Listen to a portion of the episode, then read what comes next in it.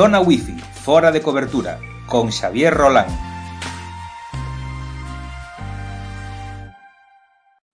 Hola, que tal? Boas tardes, bos días, boas noites, da igual, desde onde nos escoites. Aquí estamos, eu son Xavier Rolán. Eu son Amador Loureiro. E isto é es Wit Tip, ou Tip Wit. Ainda non o temos dicindo, non o temos claro. Non temos, pero vou, vou, vou, vou decir que o Xío mandoume un telegram dicindo proposta de nombre, Witip. Vale, pois pues así vamos chamarlle WITIP. Vale. Perfecto, WITIP. Queda WITIP. Corto rápido. Moi ben, que tal de semana? Ben, creo que creo que desde o punto de vista tecnolóxico tivemos unha semana quentiña, verdade, Amador? Bueno, de novas sí, non, no, non o mellor no persoal, digamos, porque a veces as, as, o que nos pasa, digamos, no noso redor non é tampouco tan, tan importante, pero bueno, houve das novas unha, principalmente aquí no estado que, que afectou a, a, un, a un dos ministerios, o Ministerio de, de Traballo, que, bueno, que se en todos os medios e que, a ver, non afecta directamente ás persoas ás casas ou non a toda a poboación, pero indirectamente sí, eh, bueno, é un tema que se leva falando moito e sobre todo nos últimos no último lustro, nos últimos 10, 15 anos, que é onde, bueno, está máis candente. O ransomware. Estamos falando ah. de De ransomware. Oh, espera, mm -hmm. es, por favor, pronuncia a palabra, porque todos sabemos escrita, pero eh, pronunciada. Eh, eh, a ver, pronunciada en inglés non che vou decir, eu pronuncio ransomware, eh, pero imagino que en inglés correcto sería algo así como ransomware ou algo así moito máis severo. bueno, Me o, caso, o, o título e o capítulo de, deste de mm, WeTip son as copias de seguridade ou backups. Sí, a copia de seguridade, claro. A ver, un pensa nas copias de seguridade eh, é como eh, como é o refrán este, un pensa na Santa Bárbara, eh, truenos. Trueno, ¿no? Efectivamente. Aí está. Pois pues un pensa sempre na copia de seguridade cando perdeu os datos principais de, de acceso. E bueno, a ver, se queres poñemos un pouco porque faléis un pouco por, polo alto, pero Sí, poñemos un contexto de que, de que va a la vaina. Efectivamente. No, no do SEPE, o que pasou esta semana, o Servicio Público de Emprego Estatal, pois foi que eh, veuse, veuse comprometido, non está aínda claro como, como foi, pero eh, sufrir un, un ataque de tipo, de tipo ransomware, eh, o que sucedeu é o que, bueno, pues, se encriptaron eh, datos que afectan pois, o, principalmente as oficinas de, de emprego, tamén a certas bases de datos internas, parece que non a todos os servicios conseguiron eh, controlar e, e, e parar. Unha das primeiras medidas cando sucede isto en, en empresas, bueno, e tamén na tua casa, tengo unha recomendación. Se notas que algo está que é sospeitoso, apaga todo, desenchufa, para, e para. Que polo menos o dano este controlado. Un equipo se non ten corrente eléctrica e non está apagado, non fai nada. Co cal, pois polo eh, menos... O que, que se coñece en televisión como Paralopol. Efectivamente. E, e, bueno, non chegou, dicir, o que parece, paralizou son as oficinas, non sei exactamente os detalles se a hora de, pues, de anovar eh, os, as prestacións por desemprego e algúns servizos máis, non parece que as nóminas, non parece que o que tan agora tamén está aí o que é o dos ERTES, e os pagamentos de que fai o, tamén o Ministerio de, de Traballo na situación na que, na que estamos, pero ainda así non deixa de ser crítico. Eu, a verdade é que cando lín a, a noticia, vale, agora vou facer un pouco de cuñado tecnolóxico, pero sí que me parei a pensar no, no complicado o complexo que debe ser eh, que accedan a esos datos e que se que houbera a posibilidade de que os atacantes eh, obtivesen datos tan sensibles como, por exemplo, os números de conta de xente que está cobrando a prestación de, por desemprego, por exemplo que vale, que ao mellor solo simplemente con eso tampouco fan nada, non? Pero eh, e, e non era o obxecto do, deste, deste ataque. Pero sí que me fixo pensar en no vulnerables e a veces que nos intentamos protexer a nosa intimidade e a privacidade dos nosos datos, pero hai moitos datos que, que son sensibles que os teñen outras empresas, neste caso eh, unha institución como é o, como é o SEPE, con datos moi sensibles, ademais, me parece a mí, vamos. Ah, por suposto, vamos, dentro da Lei de Protección, a Lei Xeral de Protección de Datos, que agora xa é a nivel europeo e que, bueno, das, é a máis potente que existe no, no planeta agora mesmo, eh, eh datos, datos tan sensibles como eh, sobre como contas bancarias, e afiliacións, e situacións persoais, vamos, eh, como, como os datos médicos, eh, ese tipo de cousas, vamos, deberían estar, xa na empresa privada están obligados a estar protegidos na, na empresa pública eh, con moito máis motivo. Que se poden as túas contas bancarias, bueno, hai, hai un abano moi grande de riscos que se poden ter. Un está acostumado a recibir o correo dese, dese rei africano que contacta contigo porque ten que sair rapidamente e che pide transferir moeda, eh, cartos e... Eh, e que che dá unha porcentaxe que, bueno, que xa, bueno, se tes un pouquiño de, de sentido común, pois xa distingues ben, pero coñecemos casos de estafas directas que, que son puntuais, porque unha cousa é o que poden facer pois, certas organizacións eh, que buscan sacarnos os cartos, que, fan a, que atacan a mansalva, é dicir, que mandan correos electrónicos a, a, sí, sí, a, a miles mundo, de persoas. Sin, sin filtro. Efectivamente, entonces non hai control, non hai, non hai nada e, e moitas veces xa ves que, a ver, están mandando un correo telefónica con faltas de ortografía bestiais, con despersonalización, con logotipos pixelados, bueno, que xa poden chear un pouco. Pero despois, a ver, se tes un, os datos persoais de unha persoa específica E hoxe en día, indagas un pouco sobre esa persoa, podes facerlle un ataque directo, individualizado sí, sí. a esa persoa, chamar por teléfono, eh, con técnicas de enxeñería social, e este teñen dado casos de transferencias de equipos de fútbol que fan transferencias, e que perden os cartos porque confían, porque chamou no o responsable de, finanzas e dixe de, ou do banco, oi, mira que me pasou tal cousa, teño que tu número de conta, dicho o teu número de conta, ti confías, pensas que tal, a voz parece che correcta, e, e picas. Eh, sí, sí, sí. E o eslabón máis débil da cadena, obviamente, o usuario final. Efectivamente. Entón, bueno, pues, eh, eso, eso foi un do, un dos casos eh, en canto a, a, a datos eh, presuntamente perdidos, porque, bueno, despois está aí a historia de que os datos o que están en, eh, eh encriptados, parece ser que non houbo, eh, que non se pediron cartos, non se sabe moi ben exactamente cal é a orixe de, do ataque, moitas veces o orixe do ataque simplemente se enquintan os datos, non me pagas unha certa cantidade de diñeiro, normalmente pois, en, en criptomoedas, eh, para que non sexan facilmente rastrexables, pois non che dou a clave de, de descifrado. E outras veces, como parece ser esta, simplemente se encriptaron e punto. E nin hai, nin hai ninguén bueno, que pero... este ofrecendo sí, ou pedindo é, nada. É certo, pero eh, despois tamén hai que se poñer, o, sea, o que recomendan obviamente as autoridades é non pagar. Porque o feito de pagar tampouco che dá garantía de que che vayan a dar os, os datos, non? Correcto. Eh, son, son piratas, a fin de contas. Non? Uh -huh. eh, e despois pasa outra cousa que eu escoitaba o, escoitaba no a radio, non? Est, estes días ao fío desta deste tema. Claro, se si tú como entidade ou como empresa, vale, non fai falta que sexa unha empresa pública, pagas, convirteste nunha entidade que paga. Con lo cual, uh -huh podes volver a ser obxecto non de un ataque similar. E agora falamos do SEPE, pero hai, hai como seis meses ou, ou nove meses pasoulle, ou un ano xa, xa non me acordo, eh? pasoulle a cadena SER, Eh, si non me equivoco, houve un, un concello en Galicia, e se si non me equivoco, creo que foi o de Vila García, que tamén tuvo un ataque de, de ransomware eh, os nosos eh, 300.000 escoitantes podrán comprobar uh -huh. perfectamente que estes datos son verídicos. no, pero sí, sí que é certo, sí que houve, hai, hai uns aniños, uh -huh. eh, sí que houve un, un caso dun concello que lle pasou exactamente o mismo, este tipo de ataque. Non sabemos como entrou ou si, si, si como foi. De feito, mm, na, na, na pretertulia, non? eh, pois Amador decía que ao mellor nunca sabemos, non? Eh, como se produciu este ataque ou, ou como se orixinou. Claro, en teoría tamén, a, a ver, o, o que establece a, a, a, o, mm, a lei de protección, o, o GDPR, é que eh, se ti sufres un ataque informático, se non lembro mal, creo que tes, non sei, 48 ou 72 horas para informar o a entidade correspondente de que ti sufriches un ataque e reportalo. Pero despois toda esa parte de análisis de onde veo todo e onde non, pois, por suposto, pois, algunhas das cousas forman parte pois, da, da privacidade da investigación e non se van facer públicas, non? Ou non se van saber, salvo que interese o mellor que si se fagan públicas eh, eh, e, e depois que se sepa ou non se sepa, vamos. Bueno, eu entendo que, que non se fagan públicos porque tamén é dar pistas, non? Uh -huh. Bueno, a ver, se sabes de... E outras veces, a veces é un pouco perigoso. Quero dicir, a veces acúsase. Foron os rusos, foron os chinos, foron os tal. É dicir, pois unha, unha capa aí de presunción sí. que entre seguridade, pois acusar a, a outros eh, países, a outras entidades, pois e xa está o mundo cante para non estarmos sí. nunha guerra fría. Efectivamente. De feito, falando de falando de estar o mundo quente, Uh -huh. Non sei se temos algunha outra noticia ao respecto. So, falando tamén de, de copias de seguridade e calor.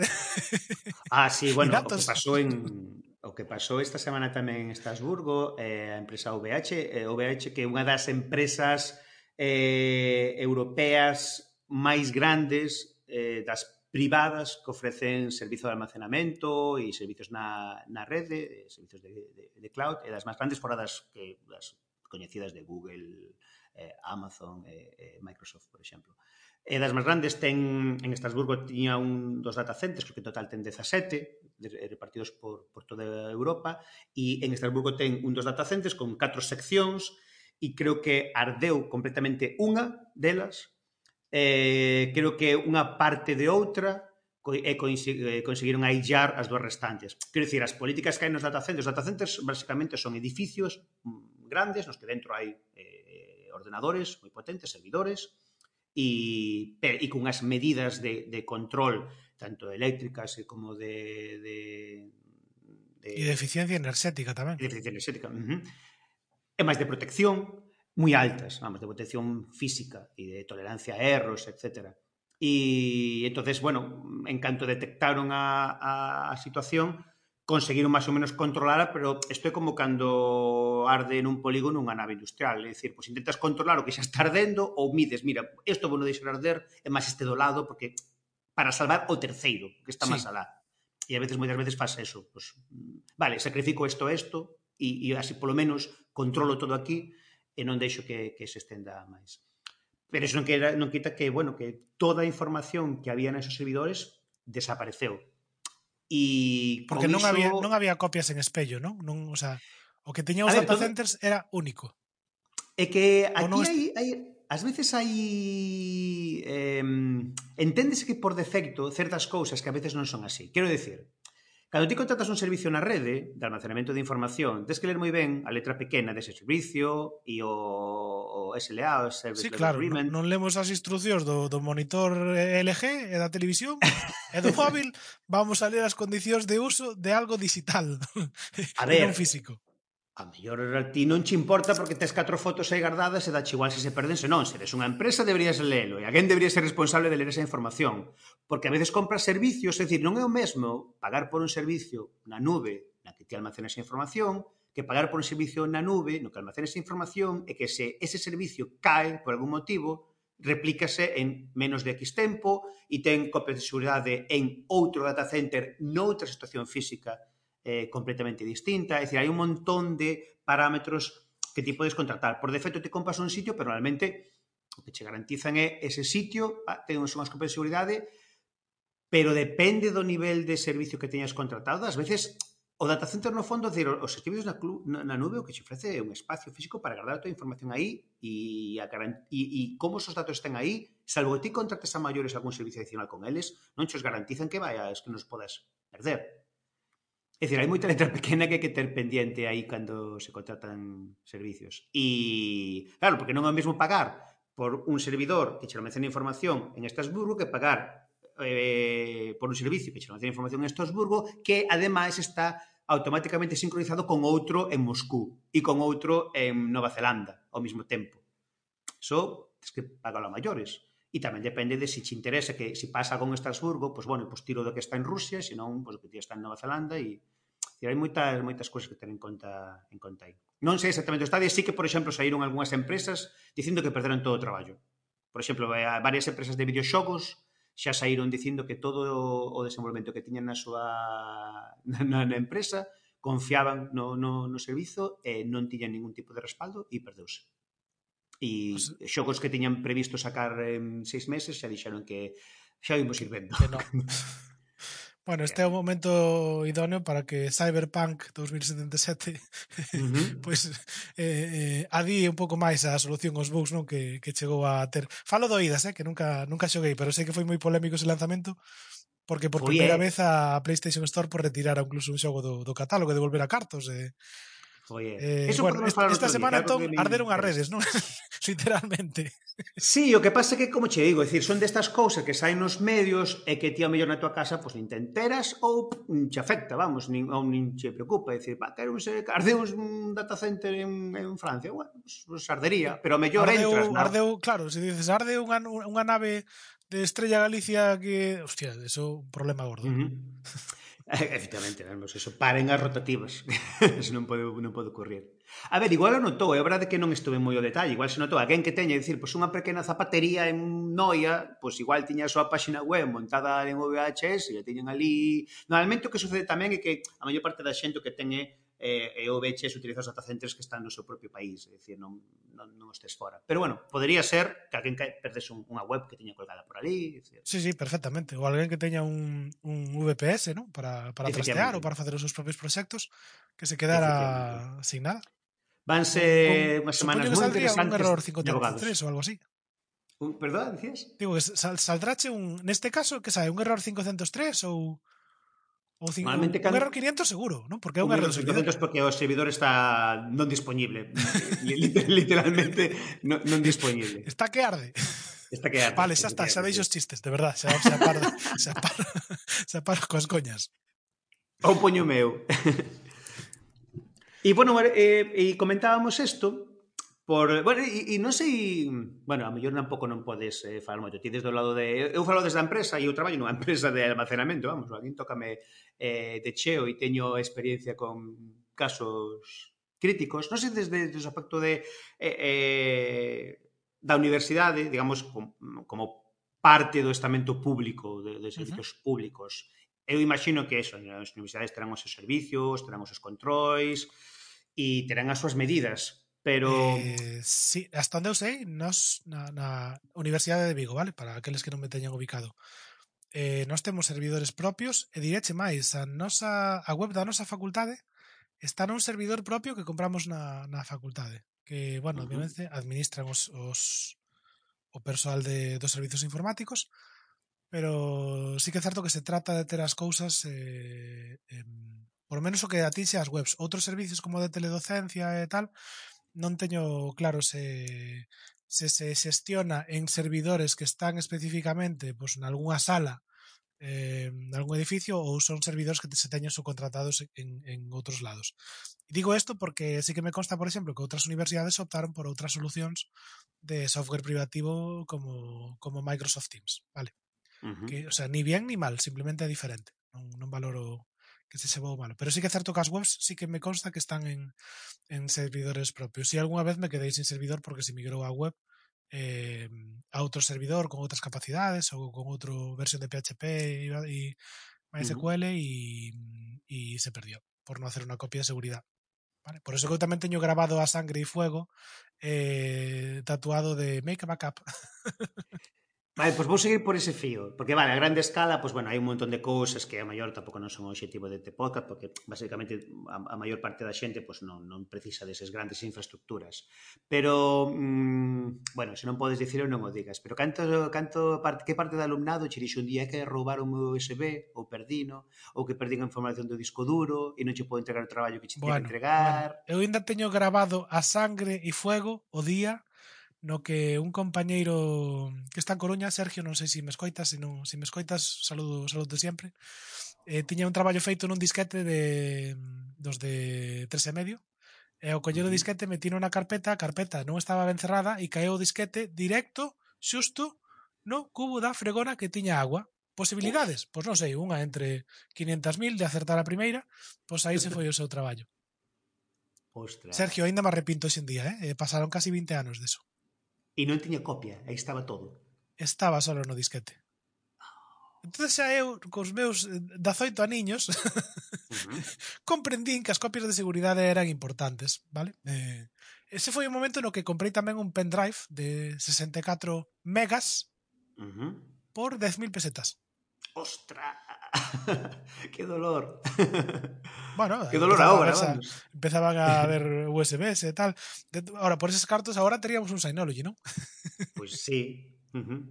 Sí, eh, se queres o que podemos, eh, e nós que, bueno, tanto ti como eu, pois eh, temos este tipo de dispositivo na, na casa, se queres falamos un pouco de, bueno, pois para este tipo de situacións que medidas Sí, para as copias de medidas? seguridade. E, de feito, case a sección de consellos de hoxe, non? Pois, pues, un pouco sí. que facer ou como facer copias de seguridade, consellos, un pouco a nosa uh -huh. experiencia tamén, que sobre todo a túa aporta moito a, a este respecto. Uh -huh. eh, e, e a ver se axudamos tamén un pouco a, a mitigar a dor de cabeza que serán tamén estas cuestións, eh? E tanto, sí, sí. A ver, basicamente a política de... de, de, de e, es, e vou fora de, de, de, bueno, de, do, dos coñecementos ou, da, ou das, dos protocolos oficiais que se toman en canto a copensibilidade, vou tamén poñer, digamos, o que intentar ir a, a parte, digamos, máis de, de usuario eh, normal. A copensibilidade é importante dependendo dos datos que queras guardar. Quero dicir, eh, si ti tes un teléfono móvil no que a información que tes dentro basicamente pois, son as fotografías que tomaches, porque probablemente pouca máis cousa vayas, vayas ter, eh, can, eh, can, como de importantes son esas fotografías se mañá ese móvil desaparece e non podes acceder a elas. É dicir, como che interesaría poder recuperar esas imaxes? Se che dá igual, pois, pois nada, pois non tes que descoitar. Pois xa deixa de escoitar este podcast, non? E eh, sigue facendo outra, outras cousas por tua conta. Efectivamente. Pero se che interesa, é dicir, e, e, e, e, e puxen o, o, o móvil por, como caso máis xeral que todo o mundo lle pode pasar. Porque vamos, todo pois están, ten tamén. Claro, efectivamente, un, ten un móvil e saca fotos. Se eu falo, por exemplo, pois, falaba a, a semana pasada de meu pai, pois hoxe meto a, a miña nai, que foi o, o, o peor drama da, da súa vida, pois eso, perdeu un, un, un móvil e todas as fotografías que, que había dentro. Claro, miña nai ten un móvil, non ten portátil, non ten ordenador, non ten ningún outro tipo de, de, de, de, componente, de componente informático non que poda facer copias de seguridade e, e no móvil non tiña nada configurado para facer copias de seguridade. E perdeu todas as fotos. E foi un drama. Foi un drama, un drama grande. A ver, un, tampouco había grandes cousas, eran fotografías destes de por aí de paseo. Pero bueno. Bueno, pero eran súas. Efectivamente. Entonces, ao fío desto, eh, Pois as solucións que tens, principalmente, son, mm, por un lado, as solucións físicas, digamos, e, ao outro lado, as, as solucións eh, por software, no? de aplicacións informáticas. E, e se falamos en xeral de documentos, eh, as dúas grandes eh, partes, pois eso, pois aplicacións que che permitan manter copias de seguridade da tua información e os sitios físicos onde esa información quede. Porque facer unha copia de seguridade das túas fotos do móvil en outra carpeta do móvil realmente non é facer unha copia de seguridade. Porque a idea é o de... Eh... A idea é poñer o pin da tarxeta de crédito nun POSIT que pegas a tarxeta de crédito. Claro, efectivamente. efectivamente. A idea, o, o, o punto chave é eh, minimizar os eh, puntos eh, mínimos de, de, de Fireball os single point of failure que, que lles chaman para eh, que en, en plan de ter tratar de ter todo redundante, todo duplicado a ser posible. Entón, pues, nun móvil, no móvil hai un montón de aplicacións, en, pues, eh, en, en iOS eh, creo que as fotografías automáticamente chas garda o en iCloud o propio dispositivo, uh -huh. en Amazon ou Google Fotos tamén chas garda automáticamente no propio eh, na propia Google Drive de, de, de Google, Eh, e despois hai un montón de aplicacións que chas gardan na nube, esa primeira parte. Decir, os que chas garde... Eu, de feito, en, entre estas aplicacións, se me permites unha recomendación, sí. eh, porque ao final todas te dan un almacenamento maior ou menor, eh, pero tamén pagando un precio que, que podan utilizar, uh -huh. por exemplo, as fotos para facer recoñecemento facial ou outro tipo de cuestións. Eh, asumindo que cuando cedemos, o sea, cuando nos dan almacenamento gratis para as fotos, é eh, porque eles tamén obteñen un beneficio, eu creo que a mellor ahora mismo é eh, Amazon eh, Fotos, porque ten un almacenamento ilimitado, cosa que perdeu Google, ilimitado para fotografías. 5 uh -huh. sigas para vídeo eh, e despois ilimitado uh -huh. para fotografías. E eso eh, eu reconozco que as fotos do móvil ese é un dos sitios onde guardo unha copia eh, por defecto eh, desde hai anos xa. Porque esa é unha das recomendacións miña. E, uh -huh. e xa está. Mm, podes seguir, Amador. Perfecto. No, no, perfecto, perfecto, vamos, na, nada nada que, que, que obxectara a, a iso. Pero o que, decir, o que, pero, que xusto ti estabas comentando un pouco que Google Fotos cambiou esa política de repente e xa non ten servizo limitado ou de repente mañá Google Fotos di quedan vos tres días para que copiedes as fotos que tedes almacenadas que vos vamos borrar todo entón está a parte de facer outra copia da, da tua información en outro sitio completamente distinto. E ao mellor que teñas máis control sobre el, pois pues, non pode ser, pois, pues, se podes, pois pues, conectas o, o teléfono móvil a un ordenador e os copias no disco duro do, do ordenador. Ou con unha aplicación informática que che permite sincronizar pois, mm, de cada pouco tempo, na wifi local, por exemplo, entre o dispositivo móvil e o ordenador. E quen di iso, calquera tipo de documento. En xeral, a idea é ter a maior variedade posible de copias de seguridade da tua información, sobre todo dependendo da importancia da información que tes, en distintos dispositivos e en distintas localizacións, se é posible. Si pudiese estar, como falamos agora, de telo pois na nube ou telo no, nos discos. Ti como, como levas eso, por exemplo? Buf, a ver. Eh, eh, mm, teño un pouco de caos, vale, pero non por falta de copias de seguridade, sino en todo o contrario, porque teño varias en varios lados. Por exemplo, as fotografías teño en dos lados. Unha é a que acabo de decir, a de a de Google Fotos, onde fai unha copia de todo, sube todo automáticamente cada vez que hai fotos eh, novas. E gustame eso de que che recorde, pues, este mismo día fai 2, 3, 4, 5 anos, non? Eh, e, e además o día que hoxe, vale, aínda que escoites este cualquier día, que saibas que estamos grabando a 12 de marzo de 2021, vale, eu fai un ano estaba levando os papeles para ingreso do cole do meu do meu fillo máis vello, e, e pillóme xusto cando Feijó eh, se pronunciou respecto de la pandemia de, de lo que todo vendría despois eh, eu uh -huh. nese momento todavía non me creía a situación que íbamos a, a vivir Vale, o sea, es, teño así clarísimo. Vale, perdona. O sea, eh, despois desta breve digresión... No, pero hai xente que o sabía todo de antemán, eu non, eu non sabía desto nada de antemán. Despois desta digresión e de falar de desa aplicación de mm, de Amazon, de Amazon Fotos, teño tamén a nube de iCloud, uh -huh. a, o servicio de, de 200 gigas que comparto en, en familia para, para varios trebellos de varios móviles de, de Apple, que son 3 dólares, eh, 3 euros ao mes, perdón. Teño tamén a nube de Google, a dos 200 gigas, que son 2 euros ao mes, eh, uh -huh. porque non me llega el espacio de Google Drive. Despois teño en cada un dos meus dous ordenadores teño unha copia automática contra un disco duro eh, local eh, que se fai diariamente E despois teño tamén un Synology que me recomendou hai anos un tal Amador Loureiro, que foi unha das mellores compras tecnolóxicas uh -huh. que fixen porque grazas a ese trebello, pois teño tamén copias de seguridade en, en local, conectado tamén eh, para que poda acceder en remoto, eh, pero copias tamén nese dos meus datos nese nese ordenador. En realidade como se si fora un ordenador tamén ten o seu, o seu software.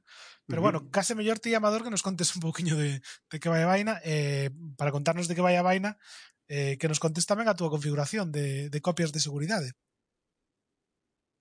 Claro, eu explico, eh, se tal para falar do que de NAS e ISO, igual precisa dun programa específico para ISO e todas as funcionalidades que podes sacar, que este do desto, pero se queres centrámonos nesta parte de eso de, de como facemos as nosas copias. Eu no meu caso, por exemplo, Eh, fago o mesmo que, que ti, basicamente utilizo... Eh, realmente na, na, na nube solo utilizo eh, Google Drive e eh, Dropbox para, para almacenar información na nube.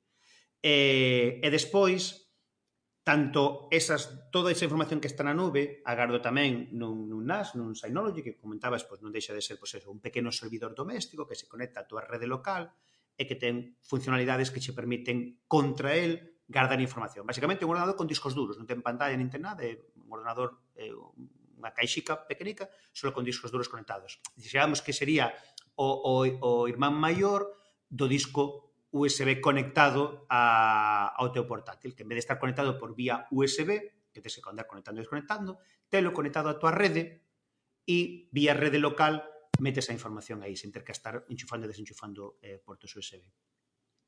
E, e entón teño, digamos que nos portátiles de, da, da casa, da, da, da familia, fago as copias de seguridade contra eh, ese servidor. Tamén o móvil fai copias de seguridade contra, contra ese servidor. Nese servidor eh, ten dos discos duros, pero os dos discos duros están en espello, co cal, se un dos discos duros falla, pois tería outro, malo será que fallen os dous a vez. Ese Synology, este ano merquei un, un, un modelo novo, tiña un anterior que xa tiña sete anos, que sigue funcionando perfectamente, pero que se quedaba un pouco curto para que eu quería, co cal ese, este servidor principal fai copias de seguridade a súa vez contra o outro, que aínda está funcionando, e a maiores o outro ten un disco USB conectado no que tamén fai copias de seguridade. E, e, e normalmente intento sacar ese disco da casa de, de canto en vez coa idea de que se si pasa algo... Pois, pues, coa idea de que, de que lle deu aire ou que? claro, pase algo. No, a ver, e dirás tú, a ver, tampouco teño grandes cousas, eh? tampouco teño unha información aquí, non teño a, a, a patente da Coca-Cola na, na miña no, casa. No, pero bueno, temos a Mr. Robot como serie e a Mr. Backup que é Claro. pero son un pouco paranoico sí, coa, coa información e coa protección da información e todo iso. Entonces, bueno, pues intento ter redundante, decir, pues, pois o, te, o feito de ter dos discos duros en, en, en, en RAID, en espello, funcionando en espello, que cando gravas nun outro tamén se grava, pois os discos duros son componentes físicos que fallan e se morre un, pois o outro seguirá funcionando. Que teñas as copias de seguridade despois replicadas en outro servidor distinto, pois tamén pois pon outro punto a maiores de, de, de seguridade. E, decir, cantas máis capa, eh, capas poñas, canto, canto máis te podas permitir, pois moito mellor. É dicir, isto non foi un deseño que fixera desde o principio, digamos que me foi deudado pois, como foi un eu evolucionando, para en particular. Pero outro punto que querer resaltar eh, e ben co conto das copias de seguridade que non é tan importante non só facer as copias de seguridade, senón como tamén verificar que as copias de seguridade funcionan. É dicir, de cando vez mirade, que estades facendo copias de seguridade, de vez en cando simulade que perdedes algo e ide buscalo. Porque non é a primeira vez que alguén está facendo copias de seguridade todo convencido e quere buscar algo e cando vai a buscar copias de seguridade de repente está corrupta a copia de seguridade ou de repente non fixo eh, fixo unha copia de seguridade, tiña programada para facelo cada seis meses e necesita un documento que borrou o que tiña fai sete, co cal pois, xa non está na copia de seguridade sí. porque eliminou a información anterior, É un montón de, de detalles aí. Sobre, sobre ese tema, a min hai unha característica que me gusta moito, eh, que ten tamén Sainol, pero non é único, que é o poder acceder ao historial de versións. Quero decir que se guarden non solo non solo unha copia de seguridade de algún arquivo específico, estou falando de documentos cos que trallamos a miúdo, como pode ser un, un, un Word ou outro tipo de documentos que editamos con certa frecuencia, pero que machacamos constantemente. No, pois que guarde uh -huh. copias de seguridade, pero eh, non só a última copia que tú editaches, sino pois, o mellor as 30 últimas edicións dese arquivo, de maneira que se machacaches algo sin querer, pois que podas recuperar unha versión non inmediatamente anterior, sino pois, eh, hasta un período de tempo atrás ou hasta un número de versións anteriores. Creo que é unha característica que, que se debería implementar en moitos eh, servidores de copias de, de seguridade. Vamos, a min é algo que me dá a vida, por exemplo, en Synology. Por supuesto. Caramba, é que para vos, para documentación e para todo, decir, se tides un... A ver, facer copia de seguridade é un traballo, realmente, pues, laborioso. Entón, podes programala pues, que se faga cada día, podes programar que se faga cada semana, que se faga cada mes. Se ti estás facendo a tese doutoral, que probablemente pues, estés facendo, ti ahora non, que non vas facer unha segunda, non? Pero non se faz eh, algún eh, tese postdoutoral. Pero se estás facendo eso, pues, un traballo de investigación moi, moi importante, é dicir, se ti faz unha copia de seguridade, eh, cada sábado e traballas nese, nese documento todos os días e o venres te das conta de que está de que todo que, de que perdiches o traballo sí. de toda esa semana, perdiches toda esa semana, perdiches o venres, o xoves, o, o mércores, o martes, o luns e o domingo anterior. Entón, esa é unha política que tamén hai que pensar de en canto se, se fan copias de seguridade, con que frecuencia e, e, e guardando que cambios. A mellor dache igual, pero ti imagínate, pois, pues, eh, pois estaba pensando agora pois, eh, pois nos dos videoxogos que comentamos antes. É dicir, os desenvolvedores de videoxogos eh, cada, cada día cambian o código pois, pois, moitísimas Dúcias de veces, seguramente. Claro. entonces por exemplo, se tiñan, se estes desa empresa teñen unha unha copia de seguridade dunha semana, pois bueno, perderon unha semana de traballo que terán que refacer. Se tiñan unha copia de seguridade dun día, pff, prácticamente o día seguinte, ainda que lles ardera todo o centro de servidores, en un par de horas teñen todo andando outra vez, sin preocuparse de moito. Se tens unha posibilidade, fai un mes, tes que mirar, puf, a ver se que se acorda, fai un mes o que facíamos ou que non, é dicir, te que está todo moi ben documentado. E para, eso, para traballos eh, nos que traballas con, moito, con, con documentos que cambiades a miúdo. No, pero isto, a nada que teñas un, un Excel, por exemplo, que un Excel eu creo que é unha ferramenta moi infravalorada e creo que, que con, sabendo manejar Excel manexas unha empresa. Bueno, utilizar eh... ademais, eh, que tamén hai xente que utiliza Excel para todo. Pero bueno. bueno, eu estou esperando que introduzcan as stories tamén en Excel para dar claro. Efectivamente. No, pero sí que é certo que Excel TikTok é unha ferramenta moi moi versátil, non? Entonces, pois pues, eh, utilizo moito. Utilizo, eu utilizo a mal, ademais, porque sei que hai ferramentas mellores para investigación. Pero bueno, ao final é unha ferramenta que, bueno, que axuda moito eh, a facer análisis cuantitativos, sobre todo, eh, a veces traballas de forma colaborativa porque tes unha carpeta que compartes con máis xente, eh, cada un edita e eh, machaca os cambios, entonces poder acceder a versións de hostia, no, que isto non era así. Vamos a irnos dúas horas atrás. Uh -huh. Perdón, me acabo de comer el micro con la tos. O de, de, de non pasa volver, nada. volver no, dúas horas eh, atrás ou a un día atrás, pois pues, bueno, por eso que o que diste dos videoxogos, das empresas de videoxogos, perdes algo de traballo, pero non, non se che vai a tua vida niso. E o fío desto estaba me acordando dunha noticia que Lin hai un ano sobre mm, eh, os moitos estudios que eh, de investigación onde se utilizaron bases de datos que non interpretan o valor null vale, e o poñen como cero e sinalaban que prácticamente o 20% dos estudios estaban errados ou tiñan erros por, por a mala conversión dos, dos destes datos.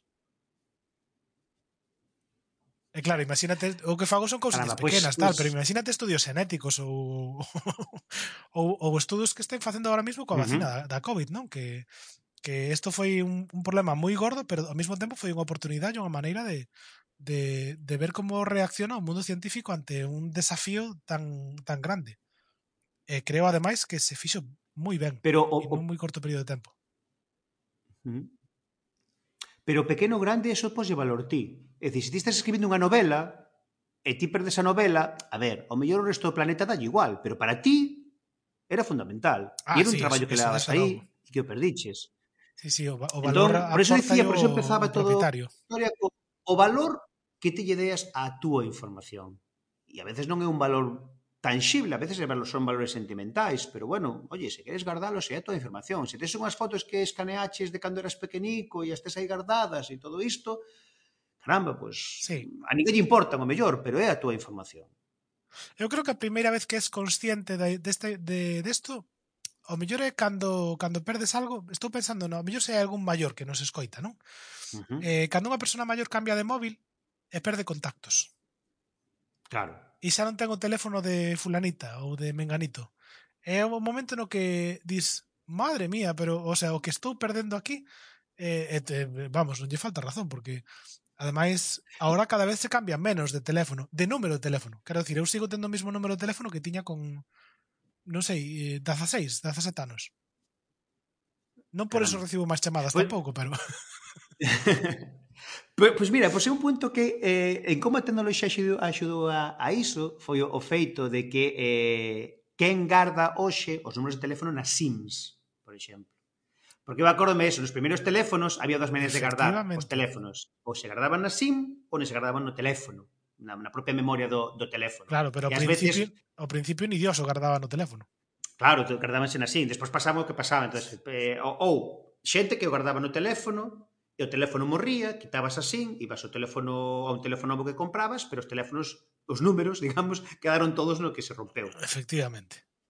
Ou eh, ou xente ou, ou que pasou, digamos, nos últimos anos cando cos, cos teléfonos, cos smartphones, os teléfonos inteligentes, xente que guardaba os teléfonos na SIM, pero na SIM todo eran informa, decir, así permitiche uns campos para registrar información moi moi limitados, pois o teléfono, o nome da persoa, e, decir, non che permite e non moitos caracteres. Efectivamente. Eh. Efectivamente, entonces, eh, entonces e despois as conversións, entonces que había teléfonos móviles que mellor tiñas nomes moi largos que che convertían todo e, e tiñas de, de repente tiñas eh, 14 María del Carmen, que tiñas escritas todos como María del Carmen todo xunto. Entón, Eh, e aí, bueno, pues eh, aí así que, bueno, pues a sincronización de, de contactos que implementaba Google no, nos Android ou Apple nos, no, nos iOS, pues axudou a, digamos, a esa parte, de, digamos, de, de, de copia de seguridade, pois facela transparente. Moitas veces, ese é un dos puntos principais, que, que as copias de seguridade fosen transparentes para, os, para as persoas usuarias pero é complicado de executalas. Sí, pero, pero pode ser o gran cabalo de batalla ou o aspecto de mellora desde o punto de vista tecnolóxico para os próximos anos, non? Para as copias uh -huh. de seguridade. A ver, hai unha cousa fundamental, por exemplo, que é o cando compras un dispositivo novo, cando compras un teléfono novo, cando compras un portátil novo, cando compras calquera dispositivo eh, informático novo, que canto pagas ti por ti tes o vello, tes o novo ao lado, encendes o do lado, e que de algún xeito o do lado arrancase con xa todo como tiñas o vello. Eso xa Tanto... te dixo eu, pagas mil euros e chamase Apple iPhone. Xa. No, en serio, a ver, xa sei que nós imos a discutir moito sobre sobre este tema, uh -huh. pero a min a tecnoloxía que hai detrás, que non vemos, e que só te das de conta cando fas a migración por primeira vez. O de que collas un uh -huh. teléfono bello, collas o novo iPhone e digas, bueno, pois pues esta é a miña conta de iCloud, non? Este é o meu mm, eh, mail, contrasinales, e tes autenticación de dous factores, pois pues, poñerlle o código de e que, que automáticamente poña esos dos teléfonos ao lado. E que en, en media hora, no mellor dos casos, e en dúas horas, no peor dos casos, arranques o dispositivo novo exactamente igual, co fondo de pantalla, contactos, eh, incluso contraseñas en moitas das aplicacións que tiñas. Noutras tes que iniciar outra vez novamente. Por exemplo, as bancarias, uh -huh. como é lóxico. Pero eso, a mí me parece que hay un traballo de tecnoloxía detrás que, que está lo pagando mm, demais, porque é Apple, obviamente, pero de verdad que che dá unha alegría, unha sonrisa cando faz eso, que, que de verdad que a xente non sabe o que é, eh? O sea, o tempo que aforras en evitar configuracións sí. de dispositivos pasando dun trebello así a outro. Supoño que Android, se si non o ten, terá que acabar facendo algo similar. O problema é que, claro, Android é un sistema operativo, a ver, con Android... moitos fabricantes, moito hardware. Non sei, teño... Claro, teño o problema están con aplicacións de terceiros non coas aplicacións propias, é dicir, claro, e cando inicia a sesión nun Android necesitará teu... uns permisos moi profundos de sistema para chegar a todo. Eh, tamén é un risco. Por o que falábamos un pouco claro, a, no, no, no quero... capítulo anterior. Efectivamente, porque eu tampouco quero que alguén de repente colle un teléfono móvil polo motivo que sexa, coñece os meus credenciais e automáticamente todo se lle recupera aí. Tanto a configuración co teléfono móvil como de aplicacións de terceiros. Se falamos semana claro. pasada de Bitwarden, por exemplo, dos contrasinais. Dicir, nun Android como nun iOS, eh, sí que é verdade que ahora no, no Android te inicias co teu usuario de, de, de, Google, de Google e o que teñas en Drive, en fotos e todo iso, toma, eh, correo electrónico e usuario, en eh, contactos na xente, todo iso, todo iso automáticamente. E as aplicacións tamén, as aplicacións todas que tiñes, pregunte, queres recuperar todas estas aplicacións que tiñes instaladas de, desde a tenda de aplicacións de Google Play? Perfecto, pero que non creo que inicien sesión nelas, automáticamente. Porque se si pasa eso, pois pues eso, pois pues, a aplicación de contrasinais, por exemplo, que te comentaba antes, a aplicación do banco, é dicir, comprometes terceiras aplicacións a que o que falamos antes de un único punto de fallo, a que co simple usuario contrasinal de Google sexas capaz sí, de sexas capaz recopilar de todo o resto. A demasiada información. Efectivamente. E, e bueno, e, e mira, pues, unha das cousas, por exemplo, eh, no, no, no Chollo fai pouco eh, cambiamos a nivel empresarial, cambiaron os, os portátiles. E tamén fai un par de episodios falabas de Microsoft Edge, o novo navegador basado en, en no motor de, de eh, Chrome de, de, de, de Google, que, que eu tamén non a nivel persoal, pero xa a nivel empresarial estou utilizando porque implementaron a integración de, do perfil coa conta de... Eu na miña empresa utilizamos perfiles de, de, de Microsoft, co cal, pois, mm, eso, permítete integrar a tua conta e foi o único que eu tuve que tocar, digamos, cando eu cambiei de, de portátil, porque o resto con co OneDrive que teñen que, que co, digamos, o disco na nube que ten Microsoft, Sí. E iso, e a conta de, digamos, corporativa xa todo se recupera como, como estaba. Quedaba o navegador, cos marcadores, contrasinais, todo ese tipo de cousas que che quedaban. E a verdade que...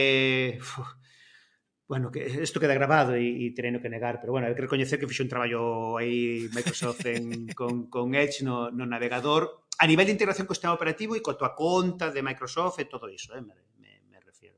Eh, que a verdade que, pois, pues, pois pues moi ben nada que obxectar. Vamos. Sí, home, se as en... cousas cando se fan ben, se felicitan e xa está, punto. No mundo Linux é un pouco máis complicado, pois instalaste pois, o teu Firefox, co teu tamén, vale, tamén tens usuarios e perfiles que podes implementar, tens que ir aplicación por aplicación, unha por unha, configurando claro. todo e todo iso. Pero bueno, en algún momento. Sí, bueno, a beleza tamén está, a beleza tamén está na complicación moitas veces, eh? No, dende logo. A ver, tamén se permite o que falamos agora, de ter un pouco máis de control de todos os teus datos. Sí, eso é certo. Bueno, Amador, pues, se che parece podemos ir pechando uh -huh. sei se queres rematar cunha recomendación eh, Ou non, ou podemos poñerlle aquí fin A verdade que eu tampouco pensei moito no da recomendación Porque como xa fomos facendo un especial sobre copias de seguridade Falando un pouco de configuracións, aplicacións Un último consello ou algo uh -huh. para pechar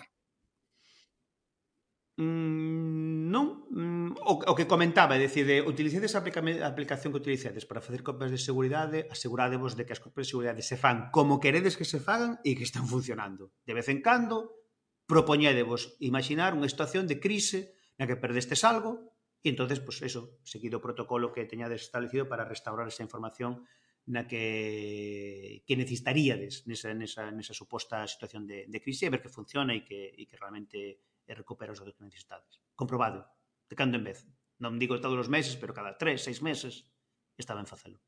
Vale, eu vou martar isto porque, eh, francamente, solo compro as copias de seguridade cando me fan falta. Por suerte nunca me fallaron, pero sí que é certo que, bueno, eh, non por ter moitas copias estás eh, libre de, de posibles erros ou, ou problemas que che podan dar esas copias de seguridade. Vale, pois, pois uh -huh. nada máis. A verdad que me mola mogollón colaborar contigo, Amador. Eh, uh -huh. eh, seguro que pff, estamos estendendo moito no tempo. Eh, pero uh -huh. seguro que nos seguiremos estendendo outras semanas falando de outros, de outros temas. Eh, podedes nos contactar tanto a Amador como a mí se si queredes plantear outros temas ou, ou cambiar o nombre uh -huh. ao programa ou vir o programa. Sí. Vale?